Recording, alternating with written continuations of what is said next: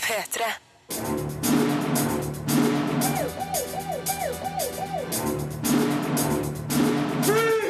Filmpolitiet! What's your name, dude? Birger Vestmo. What kind of stupid name is that? The Hunger Games Mockingjay Part 1 har god nerve og en klar politisk undertone. Far Cry 4 er et av årets aller beste actionspill. The Captive er en kidnappingsthriller som setter inn konsentrasjonsevne på prøve. Alexander and the Terrible, Horrible, No Good, Very Bad Day er en slitsom komedie. Dragon Age Inquisition er et enormt spilleventyr. Wetlands er en frekk tysk film om underliv og kroppsvæsker. Og The Good Lie er fint og pent om sudanske flyktninger. Alt det her i dagens utgave av Filmpolitiet. Filmpolitiet anmelder film. Any association with the Mockingjay symbol. Det er befriende å se en The Hunger Games-film helt uten dødsleker. Det her gjør Mockingjay Part 1 klart bedre enn den forrige filmen, Catching Fire. Dødsleikene hadde mista sin appell, og det var på tide å ta historien videre. Den fokuserer nå på hvordan Katniss Everdeen finner sin endelige rolle i kampen mot undertrykkelse.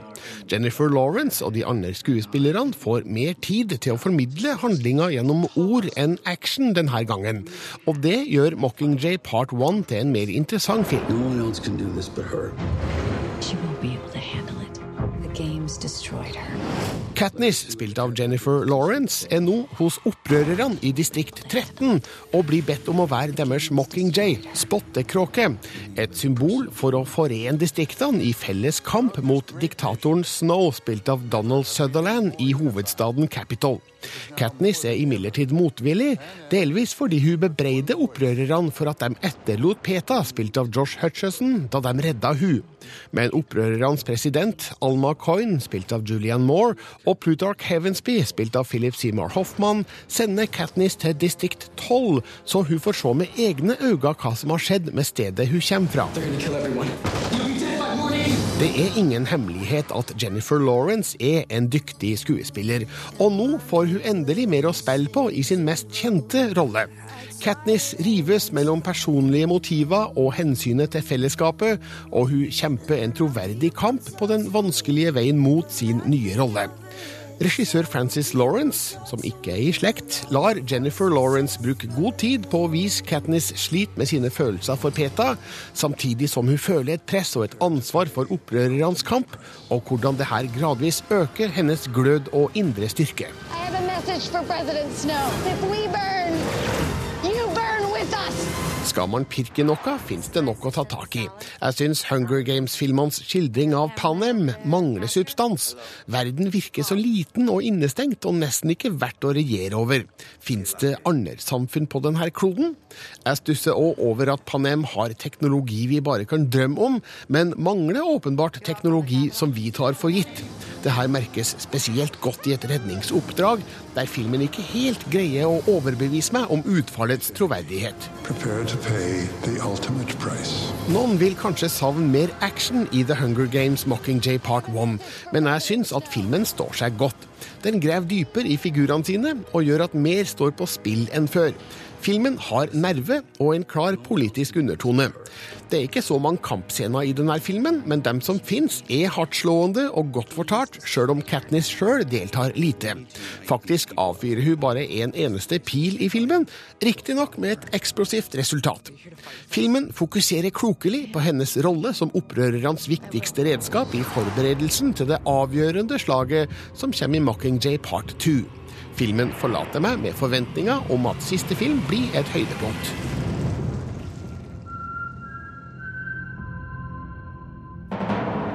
Terningkast fire.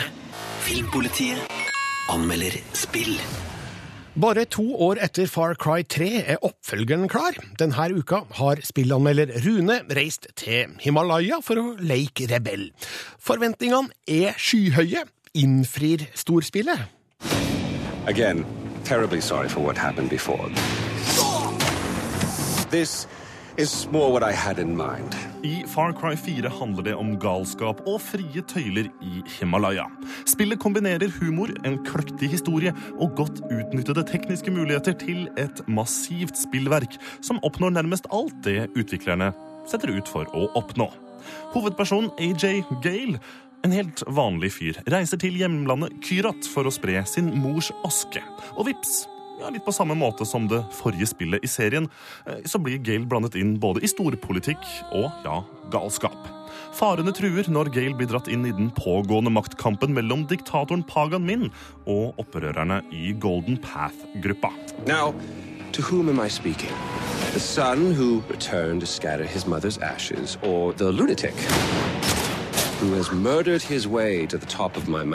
Mens Far Cry 3 foregikk på en sydhavsøy, er det i Far Cry 4 snø i stedet for sand og høye fjell i stedet for strender. Eh, Det er også et paradis på jord med en mørk hemmelighet. Diktatoren Pagan Min er akkurat passe rabiat, og han påvirker fortellingen på flere måter. De mange historiene og sideoppdragene som fyller det fiktive fjellandet Kyrat, bygger opp en opplevelse som holder spenningen på topp helt til spillets avgjørende øyeblikk. Med Far Cry 4 har Ubisoft perfeksjonert oppskriften til et åpent, morsomt, voksent og drøyt actionspill. You see what Pagan has done to this country. Like it or not, your duties, Kirat. And your choices will carry weight. På neste generasjons konsollene PlayStation 4 og Xbox One, ja, og ikke minst PC, så ser landet Kyrat usedvanlig vakkert ut. Det er en cocktail av de mest kjente trekkene til Nepal, Thailand og Tibet, hvor både kultur og religion gjennomsyrer den visuelle fremstillinga. Tempelruiner og små landsbyer ligger pakket inn mellom høye og snødekte fjell. Og menneskene? Ja, De lever under en konstant trussel. Det får AJ, hovedpersonen, også merke. This is about lives. We don't act, people will die. The right choice was obvious! I'm trying to take us out of your third world bullshit. Inni alt dette har utviklerne i Ubisoft plassert en imponerende mengde aktiviteter for den som spiller. Fra de store oppdragene som endrer landets historie, til de små gjøremålene som knytter spillverdenen sammen. Tiden flyr med andre ord svært fort når du spiller Far Cry 4, og et forsiktig estimat er at de fleste vil bruke omkring 30-40 timer på å fullføre det hele.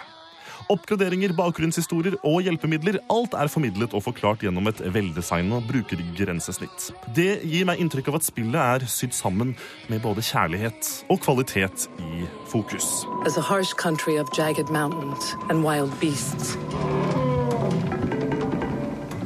Kirat has known more war than peace. Du har også en enorm frihet til å velge din vei gjennom Kyrat. Du tvinges ikke til å følge et fastsatt narrativ. For motstandskampen mot Pagan Min ledes av to markante skikkelser. Både Amita og Sabal de vil styrte Pagan Mins brutale regime, men deres veier er svært ulike.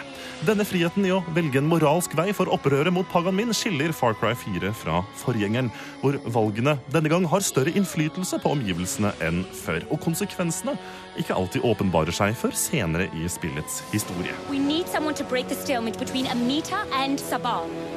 Stand with us, and I promise you, you will fulfill your mother's dying wish. For noen kan fortellingen og humoren framstå som ironisk og pretensiøs. For i det fiktive landet Kyrat har galskapen fått gro fritt.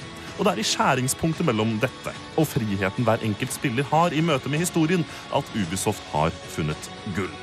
Far Cry 4 følger AJ Gale fra en uberørt mann til en nærmest spirituell kriger i en verden fylt av revolusjon og selvironi. Overraskelsene venter rundt hver en sving. Om du vil oppsøke dem, er opp til deg selv. People of Kirat, who do you cheer for? The brave elephant? The fierce tiger? Or do you cheer for the terrorists?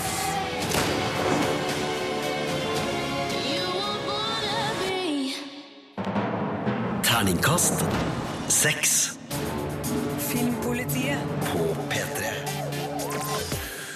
Far Cry 4 er et av årets beste spill. Spillanmelder Rune Håkonsen trilla terningkast seks. Det andre spillet som får toppscore i år. Nå skal du få møte spillregissør Alex Hutchinson, som har all æren for at Far Cry 4 har blitt så morsomt. Denne gangen går altså turen til Himalaya, til det fiktive landet Kyrat, som er en blanding av Nepal, Tibet og, og Thailand. Rune har spurt Alex hva er suksessoppskrifta? Yeah, so in any Far Cry game, we try to find a really exotic setting, somewhere where players haven't visited. Uh, we want something very colorful. We're not a military game. You know, we like the idea that it's uh, that it's something that could happen to a normal person. That you get off the bus in the wrong place on a you know on a holiday and things go horribly wrong. So um, it was a good combination of the exotic. There's some great animals there, whether it's you know elephants or honey badgers or you know anything other crazy things that we like to play with. As someone who's, who's directed an Assassin's game as well, it's it's it's it's definitely a, a, a challenge in that it's it's a bonus, you know, to create a place that people have been. If it's Rome or it's you know it's Paris now, so there's there's power in it.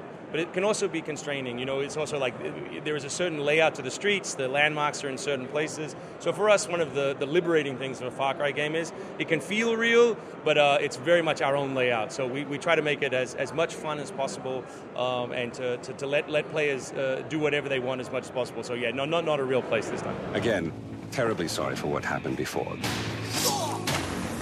This is more what I had in mind. Like one of my goals with this project was to have a, a, lot of black humor. I wanted the kind of humor where people laugh and then your friend doesn't laugh and then someone asks, are we meant to laugh? You know, so I, I was I, I, was very happy kind of with the reaction to the, the first video we showed at E3 where people were a little uncomfortable, it was a little awkward. The guy seems to be my friend, but he's a crazy person. You know, I, I, I'm a big fan of that and I think it's a, it's a very fresh tone for a game.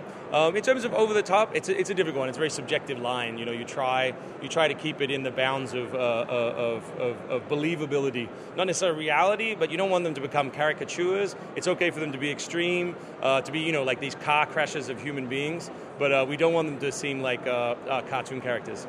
And the choice of putting it in, in the fictional country of mm. pirate is that part of the like distancing process here to make sure it doesn't go over the top? Yeah for sure. I mean we had people you know there's a petition online at the moment saying that you know people speak nepalese in nepal. They should be speaking nepalese in the game not hindi and we're saying, well, it's not in Nepal.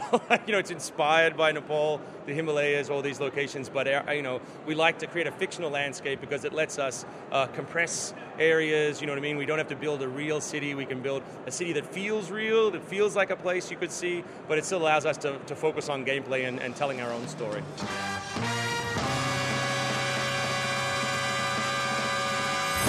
Filmpolitiet. Does that sound good to you? På P3. Du hørte spillregissøren bak Far Cry 4, Alex Hutchinson. Reporter var Rune Haakonsen. Sjekk videoklipp fra spillet, les anmeldelsen og si din mening på p3.no Filmpolitiet. Filmpolitiet anmelder film. Kenneth? Yes! Yes! Yes! You claim you didn't see anything suspicious when you looked back to the truck. They've taken my daughter. I need to know right now what are you doing to help? Foreldres største mareritt blir virkelighet i regissør Atom Egoyans thriller The Captive. Historien er kanskje ikke spesielt original, men måten den fortelles på, utfordrer publikums konsentrasjons- og observasjonsevne. Her hoppes det nemlig både frem og tilbake i tid, som iblant gir oss utfallene før vi får se foranledningene. Fortellerteknikken øker historiens mystikk og gjør det her til en interessant thriller, til tross for enkelte feilskjær.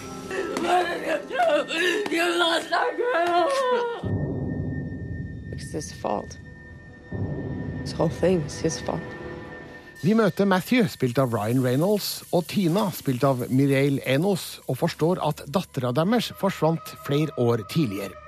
Ekteskapet skranter, og de sliter med å komme videre. Politietterforskerne Nicole, spilt av Rosario Dawson, og Jeffrey, spilt av Scott Speedman, har ikke gitt opp forsvinningssaken, og en dag finner de et spor. Et nytt bilde av Cass, spilt av Alexia Fast, funnet på et nettsted for pedofile. People can't even do your job. All you can do is turn my wife against me. If you think that I did this, you, you come here and you arrest me. Regissør Egoyan forteller altså historien med små og store tidshopp. Det kan av og til være vanskelig å skjønne med en gang hvilken del av historien vi befinner oss i, men jeg liker utfordringa det gir, og tilfredsstillelsen jeg får når jeg greier å legge brikkene sammen. Det spesielle med filmen er at vi blir introdusert for både offer og gjerningsmann umiddelbart. Vi veit det som alle andre figurer ikke veit, noe som sjølsagt tar vekk noe av spenningsnivået. Men det som er mer interessant her, er hvorfor Cass ble bortført, og hva Mika, spilt av Kevin Durant, egentlig vil med hun. Og hvorfor blir Tina overvåka på hotelljobben, der hun stadig finner små spor etter dattera? Det her gjør at historien stadig makter å holde på min nysgjerrighet. Do you remember that brush that she used to love? Yeah. I just found one. Svakheter fins. Skuespillerne gjør fine roller, bortsett fra Kevin Duran, som tipper helt over. Han kunne like gjerne gått rundt med pedofil kidnapper tatovert i panna. Dessuten bør Egoyan ta en prat med komponisten av filmmusikken, Michael Danna. Horn og strykere hamrer løs som om Ragnarok har brutt ut, sjøl om situasjonen på lerretet ikke skulle tilsi det. All right, what's going on? Ideas? There's a kidnapper, and there's a watcher. They might be watching me. Who's watching you? Alt Egoyan er kjent for bedre filmer enn det her, spesielt The Sweet Hereafter fra 1997, som han vant juryprisen for i Cannes samme år. The Captive vinner nok ingen priser. Den hever seg aldri over middels nivå. Den har altså en spennende og forholdsvis velspilt historie å fortelle underveis, men klimakset er svakt og skuffende. Terningkast fire. Filmpolitiet På P3.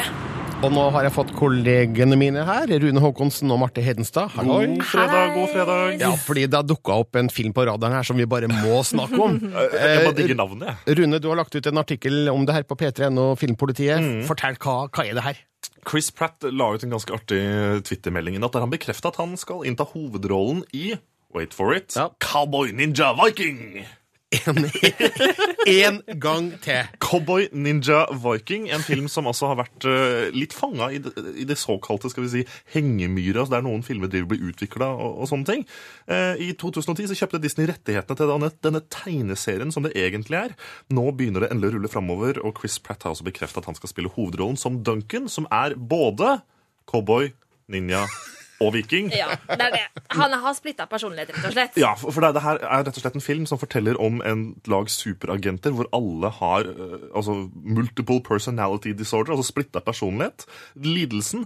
Og der har man mange forskjellige agenter som har ganske mange forskjellige artige eh, funksjoner. Men det som er styrken til Duncan her, er at han klarer å bestemme selv når han skal være de forskjellige personlighetene. Sånn at han kan liksom styre mellom å være ninja, viking Mm. og cowboy til når det behøves de forskjellige egenskapene. Altså, eh, Ninja, Viking. mm. er solgt. Ja, altså, allerede der på tittelen jeg også syns det er helt utrolig det det liksom den og, og Snakes on a Plane. Snakes on the Plane. Det, det, vet du, hva, du, du har helt rett. Det er på samme nivå som Snakes on the Plane. Der, Ja, også når det er da Chris Pratt i hovedrollen, da er jeg i hvert fall 100% med om bord. For han er jo en så kul kar! Og så trivelig. Og jeg synes det er veldig morsomt måten han valgte å annonsere at han har hovedrollen. Jeg har lagt ut et bilde av dette på Instagram-kontoen vår. Hvis man søker opp NRK Filmpoliti på Instagram, så kan man se det. Men han la rett og slett ut et lite memebilde for å, å vise det.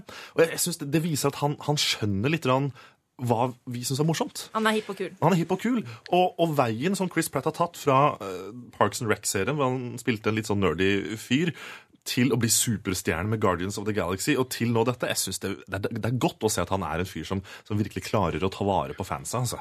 Og, og jeg, jeg møtte jo Chris Pratt vet du, i sommer, eh, rett før premieren på Guardians, Guardians of the Galaxy. Der fortalte han annet at han har norske røtter. Det syns jeg er veldig gøy. Men han var også veldig, veldig ydmyk når han fikk vite at han fikk rollen i Guardians of the Galaxy.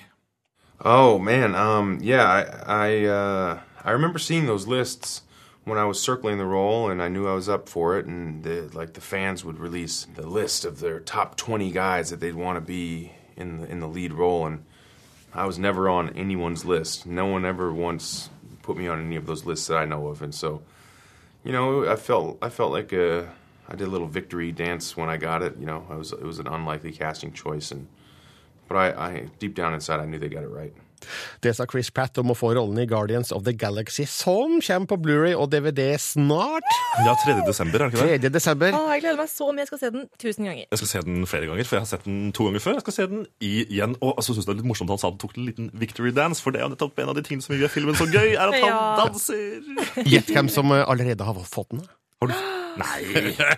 Fordeler, Gjett hva jeg skal gjøre i helga, folkens! Filmgeneralen Birger Vestmo, altså. Jeg gleder meg til å se Guardians of the Galaxy igjen, og så skal jeg komme tilbake til utgivelsen når det nærmer seg release, da, for å si litt om bilde og lyd og ekstrastoff og sånt. da. Og vi kommer helt sikkert til å prate mer om Cowboy Ninja Viking så snart vi vet mer. Når kommer den, da? Den må jo bare komme nå! Ja, Men vi vet jo ikke det, da. Det tar lang tid, det der. Åh. Takk, Rune og Marte. Filmpolitiet anmelder film. I can't Elliot texted photoshopped pictures of me to the whole school. Nice boobs, Alexander. My black book! Unbelievable. Shouldn't you guys be up? Does anyone know where the diapers are? Coming in for a razor, honey. Come on, get out of here! Sorry! Litt trailerlyd der fra premierefilmen. eh, Ja, Marte Hedenstad, kan du kanskje ta deg av hele den tittelen? Alexander and the terrible, horrible, no good, very bad day. Ja, nettopp. Du, eh, dette er Steve Carell-film. Det er det. Han spiller familiefaren i det som tilsynelatende er en eh, helt perfekt eh, familie, eh, med mor og far eh, og da eh, fire barn. Eh, Den er helt perfekt. Alle har det så fint. Alle liksom får til alt de ønsker og alt mulig sånn, utenom stakkars lille Alexander, som er på en måte eh, den ungen i verden som har aller mest uflaks. Ja. Eh, og så er det jo sånn da at Alexander syns det er så slitsomt at familien ikke forstår hvordan det er å ha en skikkelig, skikkelig, skikkelig dårlig dag.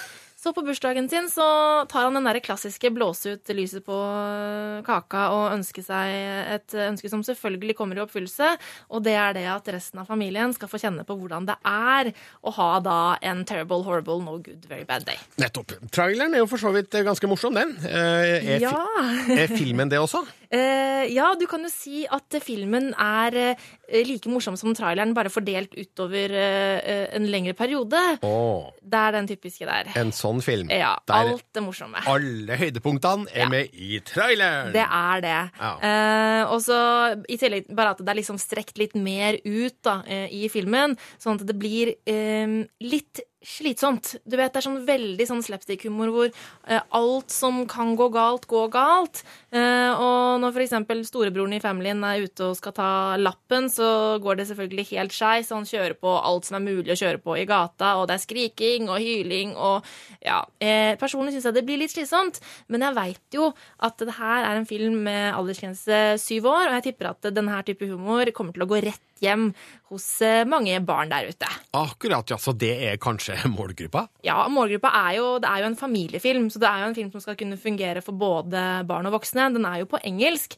eh, men jeg tror nok at det, det, det er liksom det yngre sjiktet av målgruppa som kommer til å synes denne filmen er gøy. Marte, du gir Terningkast tre. Og takk for det. Filmpolitiet anmelder spill. Dragon Age-serien er kjent for sine enorme fortellinger og episke eventyr. Spillanmelder Rune har de siste ukene stengt seg inn og redda alver, dverger og mennesker i Dragon Age Inquisition, som kom til norske butikker i går. The world is tearing itself apart, but they say I can stop this. Unless we act, it will swallow the world. De største spillene er episke fortellinger som skaper sin opplevelse gjennom lange fortellinger og komplekse systemer. Dragon Age Inquisition er et slikt spill. For etter 24 timer trodde jeg først at spillets historie var over. En stor trussel mot sikkerheten til folket i landet Ferelden var eliminert. Jeg, en fryktløs kriger, hadde kjempet tappert og stengt hullene i tid og rom som truet med å rive den enorme fantasy-verdenen i stykker. Men nei, selv etter 24 timer i Dragon Age Inquisition hadde eventyret så vidt begynt. Might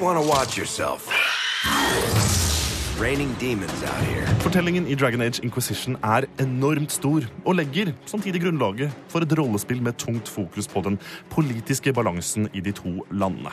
For i tillegg til å være en helt på bakken, hvor du utforsker verdenen og kan overvinne monstre og fiender, så kan du styre agenter og gjøre større beslutninger som påvirker spillet i krigsrommet. Sentralen, eller stedet hvor dine avgjørelser binder sammen spillet til en enorm fortelling. Og på din vei kan du høre mange bakgrunnsfortellinger. Små historier fra det rike universet hvor landene Ferelden og Olé eksisterer. Det er timevis med materiale for dem som vil fordype seg. Men for de aller fleste er det eventyret og alle de du møter på din vei, som er viktigst. Darkness closes in. Will you stand against it? Or lead this world to its bitter end? Et stort persongalleri med interessante figurer omgir deg til enhver tid. Ulike valg, dialogsvar og handlinger påvirker hva menneskene rundt deg mener om deg. Også det storpolitiske perspektivet spiller inn, for velger du å dømme en fange mot en av dine allierte sine meninger, ja, så kan du risikere å miste deres støtte. Stemmeskuespillet holder stort sett veldig høy kvalitet, men bruken av musikk er tidvis ujevn. I noen kampsituasjoner så var det stummende stillhet i Dragon Age Inquisition, mens tordnende toner drønner ut av høyttalerne i fredfulle øyeblikk. Slike irritasjonsmomenter blekner dog i møte med de andre måtene spillet skaper spenning på.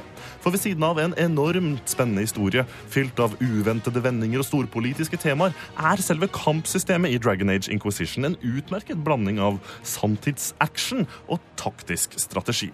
For med et enkelt knappetrykk settes spillet på vent, og du kan velge hvordan du vil utføre kampen som ligger foran deg. Dette er godt innført også i konsollversjonen av spillet. Sammen med alle fortellingene så skaper dette et utrolig engasjement for historien. Å få med seg alt, ja, det er nærmest umulig. Spillet har timer på timer med fortellinger og utfordringer. Jeg vil faktisk gå så langt som å si at jeg ikke har anmeldt et større spill enn dette på mange år. Valgene du gjør, områdene du utforsker, menneskene du snakker med, alt dette endrer spillets gang.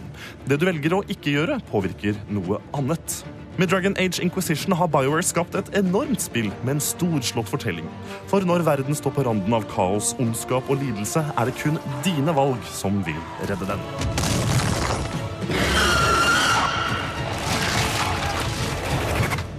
Whatever we were before, we are now the Inquisition. Terningkast fem. Filmpolitiet anmelder film. Solange ich denken kann, habe ich Hämorrhoiden. Und viele Jahre habe ich gedacht, ich dürfte das keinem sagen, weil Hämorrhoiden doch nur bei Opas wachsen.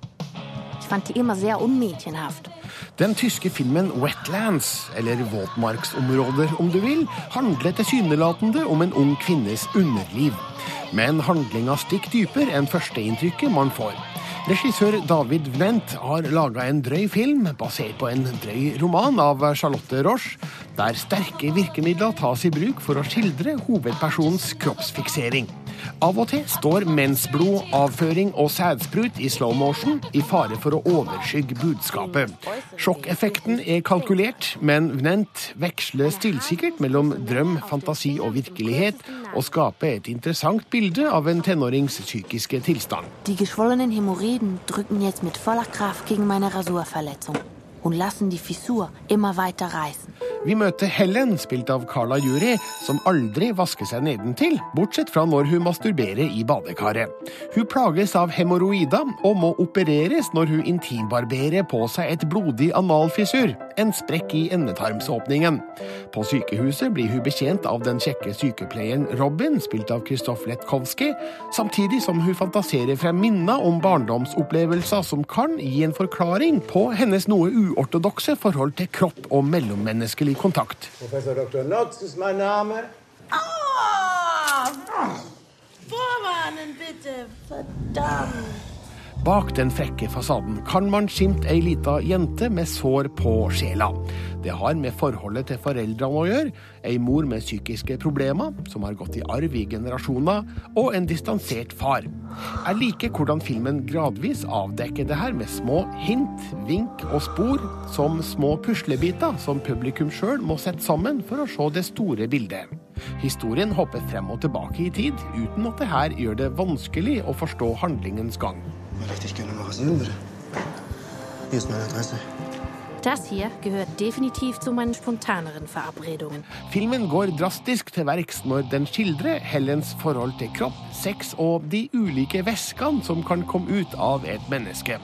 Noen kan nok finne det her frastøtende, men regissør Venent formidler de verste sekvensene med en god dose sort humor, og det er òg åpenbart at det går en grense for hvor mange detaljer som fanges opp av kamera. Gib mir meinen Teddy, sofort! Letzter Festaussetzen. Wir müssen ihn beerdigen, Toni. Nein! Gib mir meinen Teddy! Carla Jury spiller godt i en frisk, modig og definitivt annerledes hovedrolle. Helen er frekk, pågående og uredd. Derfor gjør det òg inntrykk når det etter hvert skinner igjennom at Helen bærer på en stor smerte, som kan forklare hvorfor hun klamrer seg fast til sykesenga, der hun får omsorgen hun har et skrikende behov for. Wetlands fortjener derfor å bli sett, men det er greit å vite hva du går til.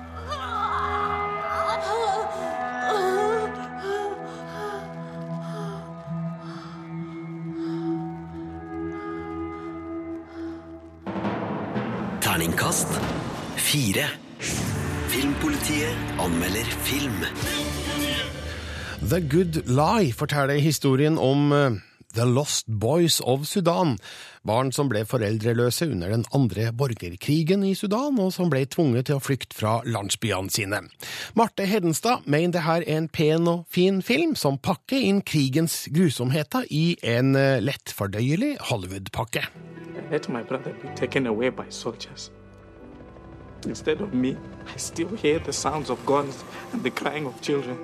En av verdens lengste borgerkriger, den andre borgerkrigen i Sudan, begynte i 1983 og tok over to millioner menneskeliv.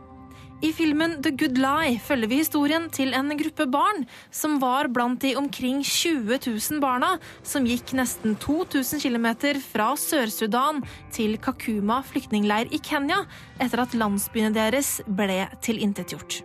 Rollefigurene i filmen er fiktive, men historien er basert på virkelige hendelser. Regissør Philippe Fallardot og manusforfatter Margaret Nagel ønsker å fortelle en sterk historie, men har valgt å pakke inn virkelighetens grusomheter i en lett fordøyelig Hollywood-pakke. America. Den unge gutten Theo, lillebroren Mamer, søsteren Abital og vennene deres Jeremiah og Paul blir fort og brutalt foreldreløse når landsbyen de bor i, angripes av soldater. På bare føtter setter derfor de traumatiserte barna ut for å finne en trygg havn fra soldatenes våpen. På veien til Kenya får vi små glimt av krigens grusomheter. Men filmen er likevel en relativt mild fremstilling av hva mange av disse flyktningbarna måtte gjennomgå. Etter 13 år i Kakuma flyktningleir vinner de nå unge voksne Mamer, spilt av Arnold Okeng, Abital, spilt av Kuth Wiel, Jeremiah, spilt av Ger Duani, og Paul, spilt av Emmanuel Jal, det store lotteriet. De får forlate livet i leiren for å starte et nytt liv i USA. Her blir de tatt imot av Carrie, spilt av Reece Witherspoon, som skal hjelpe dem å komme i arbeid. Are there any dangerous animals in this area? Such as? Lions. No, no lions here. You- You're safe. Nå kunne filmen fort blitt til ei sukkersøt beretning om amerikansk medmenneskelighet. Men det blir den heldigvis ikke. Reece Witherspoon gjør riktignok det hun kan for å hjelpe de sudanske flyktningene, som er som fisk på land i den ukjente amerikanske kulturen, men hun er kun en birolle i denne filmen. Fokuset ligger på Mamer, Jeremiah og Paul og deres problemer med å passe inn i en kultur og hverdag som er så annerledes enn det de kommer fra, og hvor lite forståelse de møter fra samfunnet rundt seg. Det er forfriskende og fint, men dessverre haster filmen forbi de mer vanskelige temaene i historien. Krigstraumene som disse unge menneskene må lide av, er viet liten plass. I had 34 brothers and sisters, and they all gone but one. Når rulleteksten ruller over lerretet til tonene fra Nico og Vins pompøse låt 'Find a Way', samtidig som det opplyses om at skuespillerne i filmen selv er sudanske flyktninger, og at to av dem har vært barnesoldater, er det ingen tvil om at det er meningen at du skal være rørt der du sitter i kinosetet. Og rørt ble jeg. Men samtidig så satt jeg igjen med en følelse av at det ligger mye uforløst i The Good Lie. Dette er en fin film, men også en for rosenrød fremstilling av hvordan livene til The Lost Boys of Sudan antageligvis har vært. They call us the lost boy of Sudan. I don't think we are lost. I think we are found.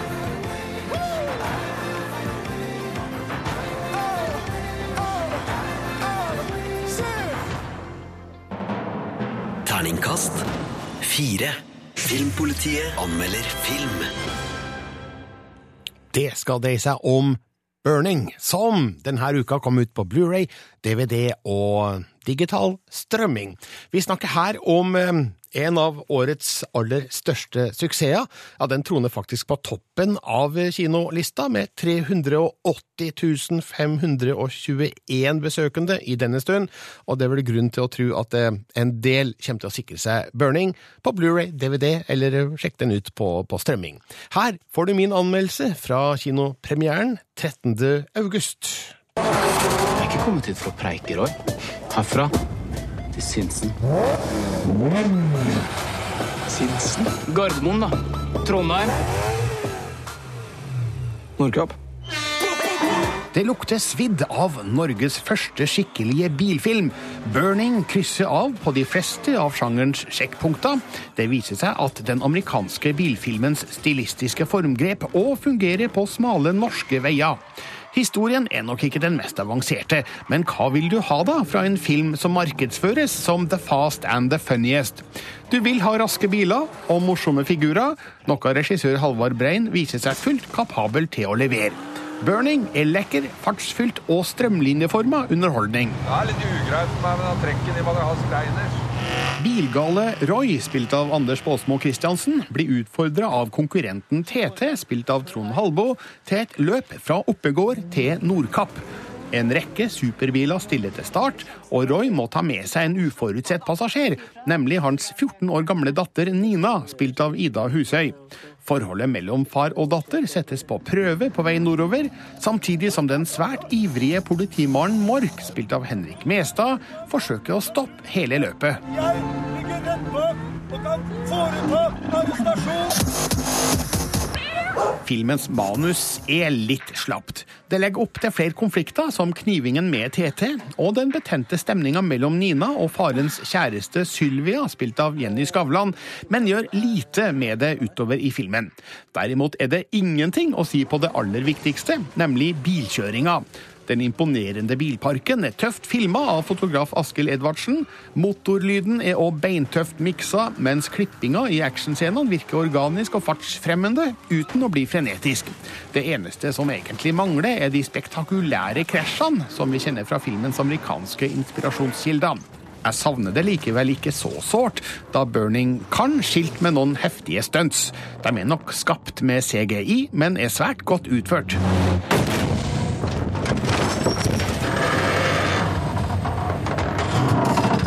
Hovedrollen er ingen match for Anders Baasmo Christiansen. I kraft av å være en av Norges beste skuespillere makter han å gi Roy en viss grad av dybde i en rimelig grunn film. Og samspillet mellom han og herlige Ida Husøy gir Burning den menneskelige dynamikken som publikum trenger for å knytte bånd til figurene. Husøy står frem som ei tøff og interessant jente, fri for påsminka fjortisfakta. Filmens komiske elementer besørges effektivt av bl.a. Sven Nordin og Otto Jespersen som aldrende motormenn. Det Roy, hør her. Er det noe som er viktigere i livet, så er det jo å ha med seg unga sine på tur. Når er det får sjansen til å være med på noe sånt som dette her? her? Og se hele det flotte landet vårt på denne måten. Ja, og den farta. Ja, nemlig. Jeg stusser litt over geografien. Jeg og mange med meg er godt kjent på både E6 og rv. 3, og det er vanskelig å forstå at noen førere i løpet velger å kjøre Gudbrandsdalen i stedet for Østerdalen. Jeg skulle òg ønske flere holdepunkter på hvor bilene befinner seg, som rundkjøringa på Elverum og skiltet om verdens største spark på Tynset. Men flisespikking er en overreaksjon på en film som det her. Jeg digger Burning fordi den klamper gassen i bånn når det trengs, og har tid til å trå lett på bremsen innimellom. Det her er et enkelt, uforbeholdent og godt laga publikumsfrieri. Nå skal det smake meg svele.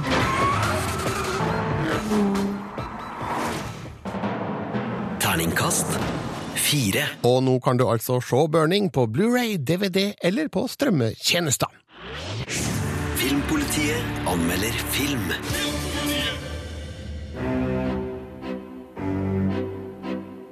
Får gå till doktorn, hörru. Det här är inte normalt. Regissør Roy Andersson er et geni. Hans trilogi om det å være menneske starta med klassikeren 'Sanger fra andre etasje' i 2000, fortsatt med 'Du levende' i 2007, og kulminerer nå med en film som er like fantastisk, vittig, absurd og underlig som dens tittel indikerer. En due satt på en gren og funderte over tilværelsen. Her formidler Andersson vår eksistens i både mørke og lyse stunder, i en overraskende morsom film som er full av sjel, varme og menneskelighet. Det her er en av årets største opplevelser på kino. Når jeg en sier, så sier du emot. Det gör jag inte alls. Nu sa du emot igen. Hele tiden gjør du det. Filmen har samme oppbygging som sine forgjengere. Vi møter små, grå mennesker i et stilisert bymiljø, der de blir utsatt for ulike utfordringer, provokasjoner og eller påkjenninger som setter deres reaksjonsmønstre på prøve. Gjennomgangsfigurene er Sam, spilt av Nils Vestblom, og Jonathan, spilt av Holger Andersson. To karer som forgjeves forsøker å selge tulleartikler til lekebutikker.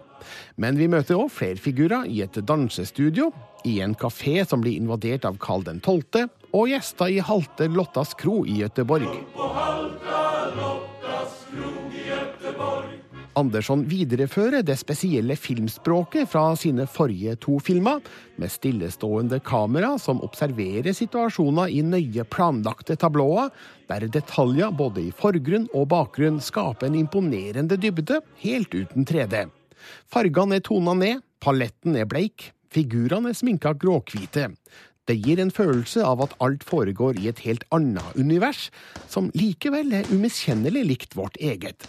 Sjøl i de mest absurde og merkelige situasjonene er det mulig å gjenkjenne hvordan figurene tenker og handler som mennesker gjør, når de kommer opp i trøbbel helt uforberedt. Det går jo så långsamt. Det ser ut som du sover når du går. Det ligger et sørgmodig slør over filmens figurer og deres hverdagslige slit, men samtidig bruker Andersson sin underfundige humor med god effekt. Ta eksempel den kostelige sekvensen der en passasjer på en ferge har dødd, og den umiddelbare problemstillinga blir hva som skal skje med maten og drikken han hadde kjøpt. Eller den merkverdige situasjonen som oppstår når en liten kafé blir inntatt av Karl 12. og hans soldater på vei til slaget ved Poltava i 1709. Andersson bruker denne type absurditeter for å belyse vanlige menneskers handlemåter i møte med krefter utenfor deres kontroll. höra att ni har det bra. En due satt på en gren og funderte over tilværelsen, forteller om menneskehetens daglige kamper med brodd, humor og poesi. Tittelens Due sitter kanskje og skuer over oss og lar seg forundre og forbause over hva den ser. Jeg gleder meg over alt jeg ser. Hver rute er et kunstverk, og hver sekvens er omhyggelig planlagt ned til minste detalj. Her er det ikke rom for improvisasjon og tilfeldigheter.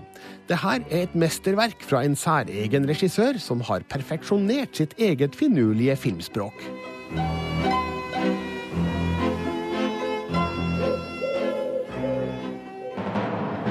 Terningkast seks.